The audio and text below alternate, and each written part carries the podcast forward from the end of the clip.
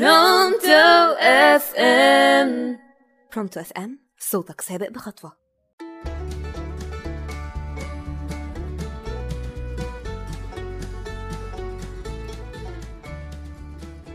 باب النجار مخلع إيه ده؟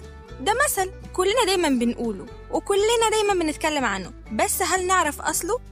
معاكم نوران الهلالي على راديو Pronto من برنامج جت سليمة. هنشوف دلوقتي أصول الأمثلة. باب النجار مخلع أصلها إيه؟ أصلها إن كان في نجار شاطر جدا جدا جدا. في يوم قرر إن هو يتقاعد زي ما بيقولوا. في يوم جه صاحب العمل قال له بص أنا عايزك تبني آخر بيت. قال له أنا مش عايز أعمل حاجة. قال له معلش هو آخر بيت بس. فعملوا بماتيريال وحشة جدا وخلاص ما ظبطش أي حاجة وعملوا رديء قوي قوي لما خلص اداله المفتاح وقال له خد دي هدية التقاعد بتاعتك. فقعد فيه وهو كله حزن وحسرة إنه ما أتقنش عمله.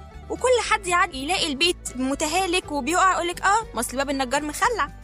تاني مثل معانا آه ما هي كوسة. مين فينا دايما حاسس إنه مظلوم وحد بيفضل التاني عليه؟ بيقولش آه ما هي كوسة. طب أصل المثل ده إيه؟ أصل المثل كان في عصر المماليك. كان أيام المماليك بيقفلوا باب المدينة وما كانش حد من التجار يدخل قبل الصبح عشان يتاجر في البضاعة بتاعته. ما عدا الكوسة لأن هي من الخضروات اللي بت... يعني بتهلك وبتفسد بسرعة. ففي مرة من التجار واحد يعني كان بيعترض بيقول لهم آه ما هي كوسة. تاني مثل عندنا جه يكحلها عماها هنا كان واحد شاكك إن مراته ما بتحبوش انها ما كانتش بتحب تتكلم معاه. راح لحد العرافة دي قالت له حط تعبان على على رقبتك واعمل نفسك ميت. فلما راح وعمل كده جت مراته تصحيه بدأت تصوت تصوت. إنها افتكرته مات وزعلت عليه. فلما صحي واتأكد خلاص إن الست بتحبه. بس هي طلبت الطلاق لأن هي اتخضت قوي بصراحة. بصراحة يستاهل يعني. وهنا يعني لا هو يعني جه يحاول يعمل حاجة والدنيا باظت خالص من الناحية التانية. رابع مثل آه ما اصله عامل نفسه من بنها. مين فينا ما بيقولش للتاني آه ما انت عاملة نفسك من بنها. طب مالها بنها؟ معانا يا جماعة إحنا بهدلنا البلد خالص. مفيش بيقولك إن بنها دي يعني تبع قطر وجه بحري. كل قطر رايح وجاي بيعدي على بنها. فالناس كانت بتستأذن بقى تقول له معلش لو سمحت هقعد على الكرسي ده أنا هنا في بنها يعني دقايق وهنزل. بعد كده مرة في مرة الناس بقت بتعمل الحيلة دي علشان يفضلوا قاعدين على الكراسي.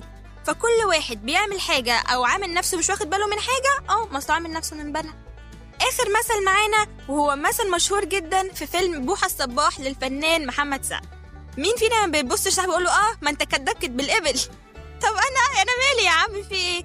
أصل الإبل وهم ماشيين في الصحراء الرعاة بتوعهم بيلاقوهم بيلعبوا بقهم كده أكنهم بيمضغوا أكل. فاقول لك طب هو لقى حشائش لقى حاجة يا عم ياكلها ما لقاش حاجة. هو بس بعدين فهموا إن الإبل بس بيحركوا بقهم كده إن هو مجرد تضليل للناس يعني بيلعبوا بيعملوا أي حاجة.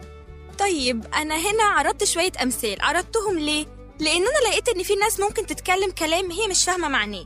فحبيت إن أنا أقول لكم وأعرفكم يا جماعة إحنا بنقول المثل ده في الحتة دي وبنتكلم هنا عشان كذا عشان نبقى عارفين كلامنا ويبقى موزون وصح. ومن هنا جت سليمة. فعلا. أتمنى تكون حلقتنا النهاردة عجبتكم واستمتعتم بيها. كانت معاكم نوران الهلالي وبرنامج جت سليمة.